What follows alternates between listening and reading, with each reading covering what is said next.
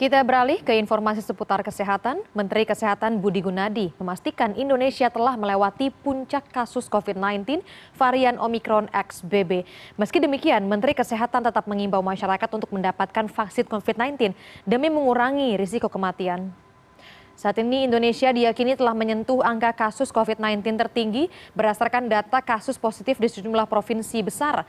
Menteri Kesehatan mencontohkan varian Delta dan Omikron yang menyebabkan angka kasus meningkat sudah menurun karena penyebarannya sudah mencapai angka 90 persen dari populasi virus. Meski demikian, Menteri Kesehatan meminta masyarakat yang belum mendapatkan vaksin COVID-19 untuk segera divaksinasi. Hal ini penting dilakukan karena tingginya angka kematian akibat COVID-19 berasal dari para pasien yang belum mendapatkan vaksin atau booster premanisme juga virus itu. Dia kuasai satu daerah, misalnya udah 90 persen, udah nggak ada ruang lagi buat dia masuk.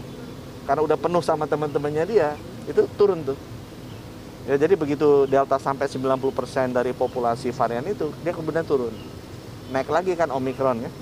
Omikron begitu naik, kena tuh kita tuh Februari tahun ini. Begitu dia sampai ke 90-an, turun lagi tuh. Masuk B4, B5, begitu lagi. Nah sekarang kan yang SBB dan BQ1. Nah, buat informasi teman-teman, populasi varian XBB dan BQ1 itu sudah di atas 80% dari seluruh varian yang ada.